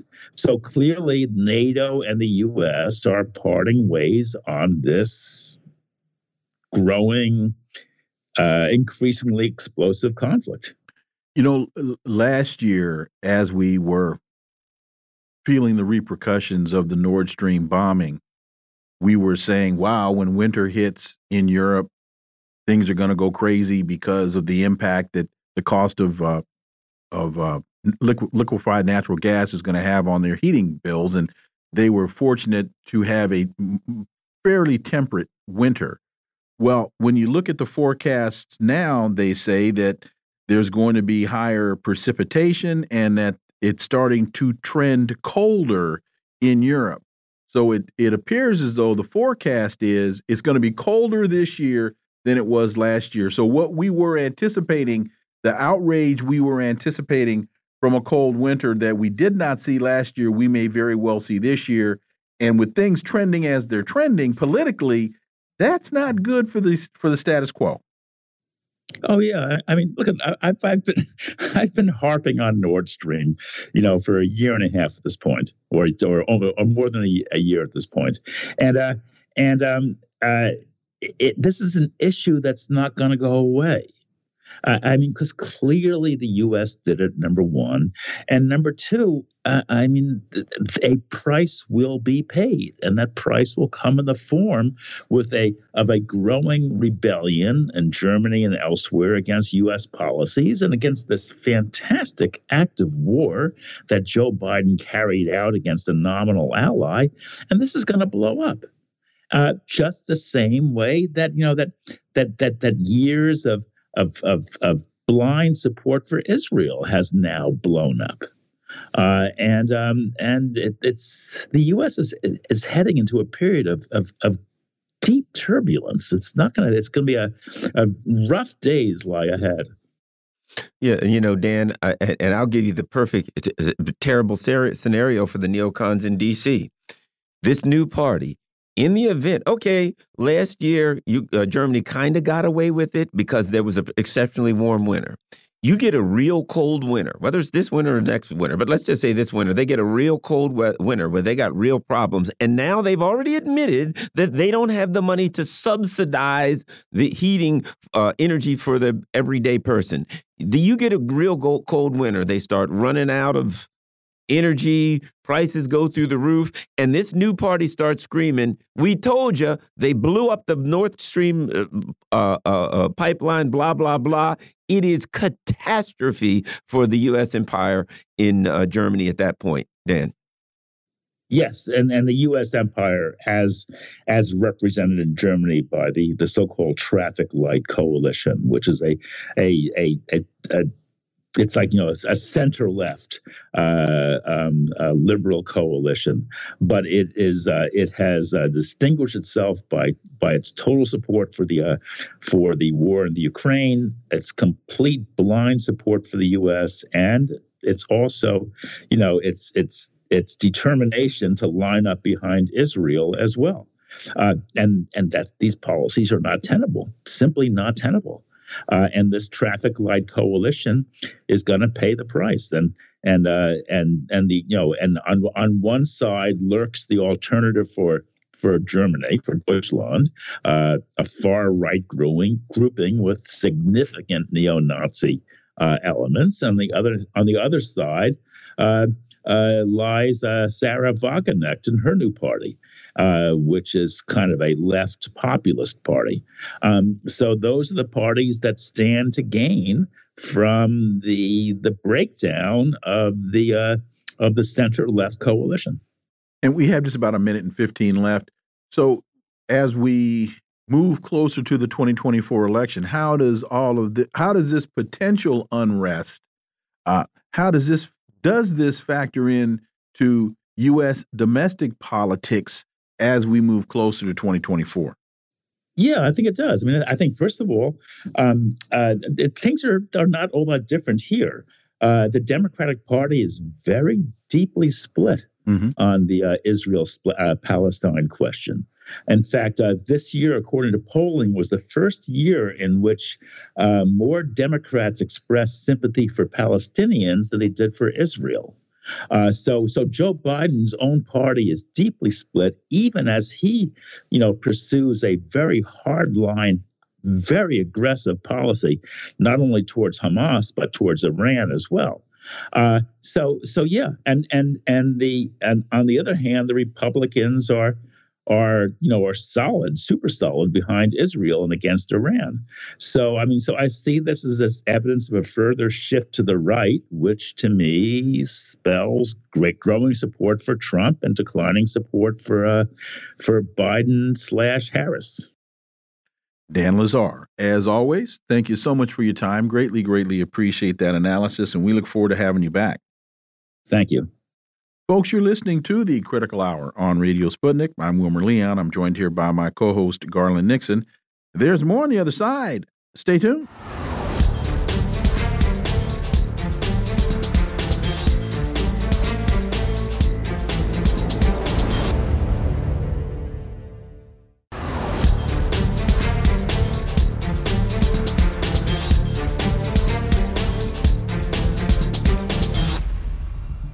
We are back, and you're listening to the Critical Hour on Radio Sputnik. I'm Wilmer Leon, joined here by my co host, Garland Nixon. Thank you, Wilmer. The Epoch Times reports House Speaker Mike Johnson vows to continue Biden impeachment inquiry.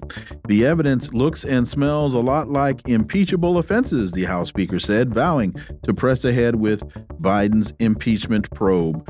For further insight into this, let's turn to our next guest. He's the host of the Left is Dead podcast, James Carey.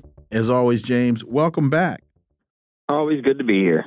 So, newly minted House Speaker Mike Johnson, a Republican from Louisiana, said that President Biden lied about his involvement in his family business affairs and engaged in a cover up, with the Louisiana Republican vowing that the impeachment inquiry into the president would continue as he now wields the power of the gavel.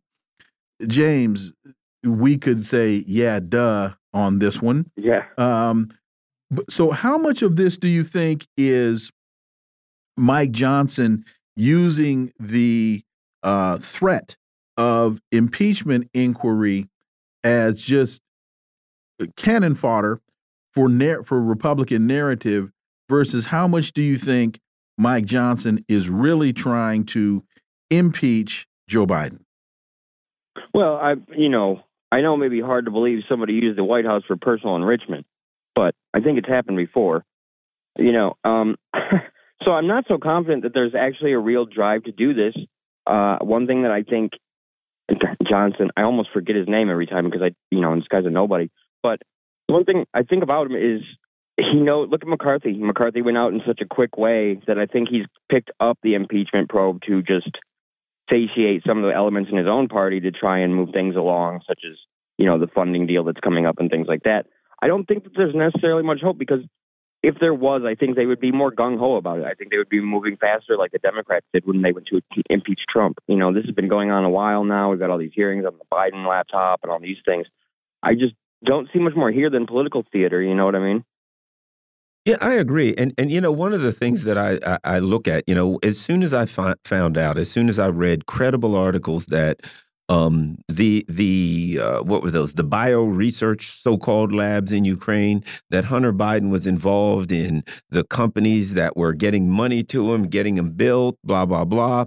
Um, you realize that Hunter Biden was not just, this wasn't just about enriching Joe Biden, that Hunter Biden was in the midst of this intelligence monster corruption thing that does terrible things and enriches politicians at the same time. And in that, if Hunter Biden's in the middle of some kind of in, all kinds of intelligence operations and money laundering, then he can't be touched. They can only really do this as a surface political attack. They can't really dig into this, James. Your thoughts? Yeah, exactly. That's exactly it, right? This is a very Hillary Clinton, Donald Trump 2016 type thing where it's like, oh, you have a corrupt charity. So do you.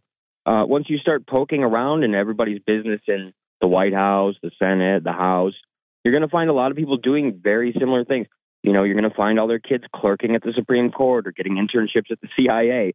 This is pretty common. And I mean, this is, you know, nepotism is how Washington runs, whether it be, you know, Hunter Biden going to get a job in Ukraine in, an industry he doesn't actually work in, or, you know, a rich person, you know, a donor getting their kid a clerk position in the Senate or whatever. You know, this has just always been how things have run. Um, I think the only thing that made Trump impervious to it is he didn't care. And most of his charities are kind of, or his scams were pretty funny, actually. Uh, but this is typical business, right? I mean, even Jared Kushner went to negotiate the Abraham Accords and made some cash on the side there. Uh, you can't really start poking into people for this because if you're going to call this illegal, well, then then we are really going to impeach every president that comes next, you know? Does it mean anything to you? It was interesting that you said a little earlier. I can't even remember this guy's name because he's a nobody what is what does it signal to you that they had to go to a election denying Christian fundamentalist conspiracy theorist to get a speak to get a House Speaker? They they they yeah. had to go that far. Yeah, and I think know, that I, uh, it is outside the circle. that he basically holds the same views as Jim Jordan, which nobody seems to be talking about. But I think it is the fact that he's a nobody and that you know he just came in in 2016 I think he's the least offensive thing that they could find, even though obviously to with Democratic lip service, he's extremely offensive. You know, if you're still on January 6th or whatever you're talking, you know, whatever their base worries about the real like hardcore centrist base. But I think the thing is, is they just there's not a moderate Republican who's looking to lead this. We saw this uh, when Trump came into office, and Paul Ryan was like, "Please let me go." You know, they had him captive for a minute there. Um, I think you're seeing that there's just nobody to do it. Maybe McCarthy thought he could hang back in the wings and get the job back, but there's really no one they can take. And the best hope they had, I think, was launching somebody who nobody pays attention to and or nobody knows, and just put this guy up there and let's you know quickly vote him in. Let's not think too much about it. He won't draw as much media fire as Jordan or somebody like that, and he won't draw as much fire from the right as Scalise. Um, I think they just found a guy who'd be. Uh, it seems like a patsy to me. You know, that's what the attitude seems like. Is like this guy came out of nowhere, surprise. You know, surprised me in the middle of the day. Um, never heard of him, and I just think that the talent pool is getting low. You know, it's it's hard to find somebody who wants to be the sacrificial lamb like that. I think. But here's the other thing. I don't think they really care anymore. I think the U.S. empire is in so so much trouble that they're happy to have them you know, argue about abortion or, you know, the latest election scandal or Biden impeachment or something like that. The only thing they care about, get me that $105 billion for Ukraine, Taiwan, military industrial complex, Israel, blah, blah, blah. So eh, they're at a point now that if they can keep us happy arguing and, and, distracted arguing about cultural issues, they, they're all the better. But they just want to throw somebody in there, as you said, a patsy and an empty suit, so they can get that money through the stuff that they really care about. I think they're in trouble right now, and they're just like concerned. We got the stuff we got to get through, through, and forget all the rest. Yeah, I completely agree. I think since you know October seventh, the real like atrophy and laziness of imperial propaganda has really been showing. This is no 2001 when it comes to a war in the Middle East, and this isn't even a you know a Clinton scandal is when it comes to the impeachment that we're talking about. You know, most people don't even know what's going on. Um, I think it's really showed that they've gone so both parties have gone so long ignoring public opinion that their their skills to basically to actually lie have gotten really poor or they've gotten really lazy at it and don't feel they have to do it anymore. Um, I think for, foreign policy wise, they've always felt they could ignore public opinion. You see certain people resisting the aid to Ukraine, like Matt Gaetz or whatever, but these are the same people who are now offering all the money they can from Ukraine to go to Israel and saying cut taxes here. So you'll literally see, you know, or cut spending here in the U.S. So you're going to literally see less tax dollars spent here so they can go to Israel or Ukraine. Um, I think that that laziness and that contempt and just outright saying it this way, and Joe Biden's full supported for with uh, full support for Israel lining up with basically every Republican and Democrat in the House and Senate.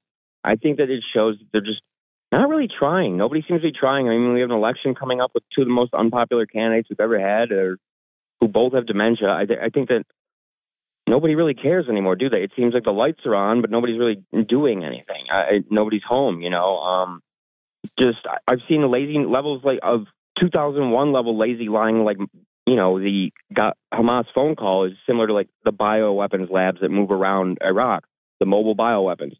I think we're just seeing a sort of atrophy and a, a almost a, a hyper normalization type of situation where we're just continuing on with what we know because we know there's nothing else to do. The Hill reports McConnell and Speaker Johnson headed for a showdown or shutdown clash over Ukraine. Senate Republican leader McConnell and newly elected Speaker of the House Johnson are headed for a showdown over emergency funding for Ukraine and funding the government beyond Thanksgiving. McConnell says he wants to keep military aid to Ukraine and Israel tied together because he views those conflicts as part of a larger global threat. He's repeatedly warned that picking a fight with Democrats that could result in government shutdown is bad politics for the Republicans. Uh, your thoughts? I don't know that the shutdowns are damaging as they used to be. I think they now they just seem like a natural factor, right? There's a threat of a shutdown every couple of months in, from Congress. So I don't know that they hit the poll numbers as hard as they used to, but I do think it worries, you know, the Republican Senate especially that McConnell's been a very effective party leader for 30 years now, and he's gotten what he wanted. He, he's gotten every appointment he's ever really wanted. He's gotten Supreme Court justices through that he wanted. He's done his job for the GOP donors. And I think that you're seeing this new wing that I don't think necessarily understands what will happen if they don't cooperate, but and eventually they come around to cooperate in their own ways. Like you know, like I said, pulling money from Ukraine but sending it to Israel. They'll come around on certain things, but I think you're just seeing guys who probably have very similar ideas on most stuff, who are just the argument is over how to do effective politics, and maybe McConnell's style of politics is aging out. You, you know, mm-hmm. it could be said there's a lot more people in the Republican Party who don't trust him and don't like him anymore. Obviously, he's no fan of Trump, and Trump's no fan of him. But I, I think you're just seeing two conflicting styles of politics. One, guys who just will hit the button and see what happens, and then McConnell, who's very calculated and you know very he's got a strategy. He's always had a strategy, and I think that we're seeing guys who are just going to kind of ride roughshod, like uh, you know Gaetz throwing out the speaker with a couple of votes, compared to McConnell, who's been you know the head of the Senate Republicans for three decades. Plus, plus, you have to look at McConnell. You know. We got about 30 seconds. You got to look at McConnell and ask, just physically, how much fight does he have left in him? Oh, yeah. He's, that's the thing, too. It's like, who are you going to leave this to? And I think that's something that donors are worried about and they're going to continue to worry about because if you have unstable, you know, House and Senate Republicans like this, it's bad for even the, you know, their donors. And uh, I just don't see this I don't know that there's an heir in the Senate, and I don't know what they're going to do next because they got a lot of records here making new rules that just let them do what they want. Yeah, we, and and and that seems to be playing itself out on both sides. Uh, you know, you don't know oh, yeah. uh, who's where and what's what. James Carey, as always, thank you so much for your time. Greatly, greatly appreciate that analysis, we look forward to having you back. Thank you, guys. Folks, you've been listening to the Critical Hour here on Radio Sputnik. Thank you for allowing our voices into your space. On behalf of myself and my co host, Garland Nixon, we hope you were informed and enlightened. And we look forward to talking with you all right here tomorrow on Radio Sputnik. Be safe. Peace and blessings. We're out.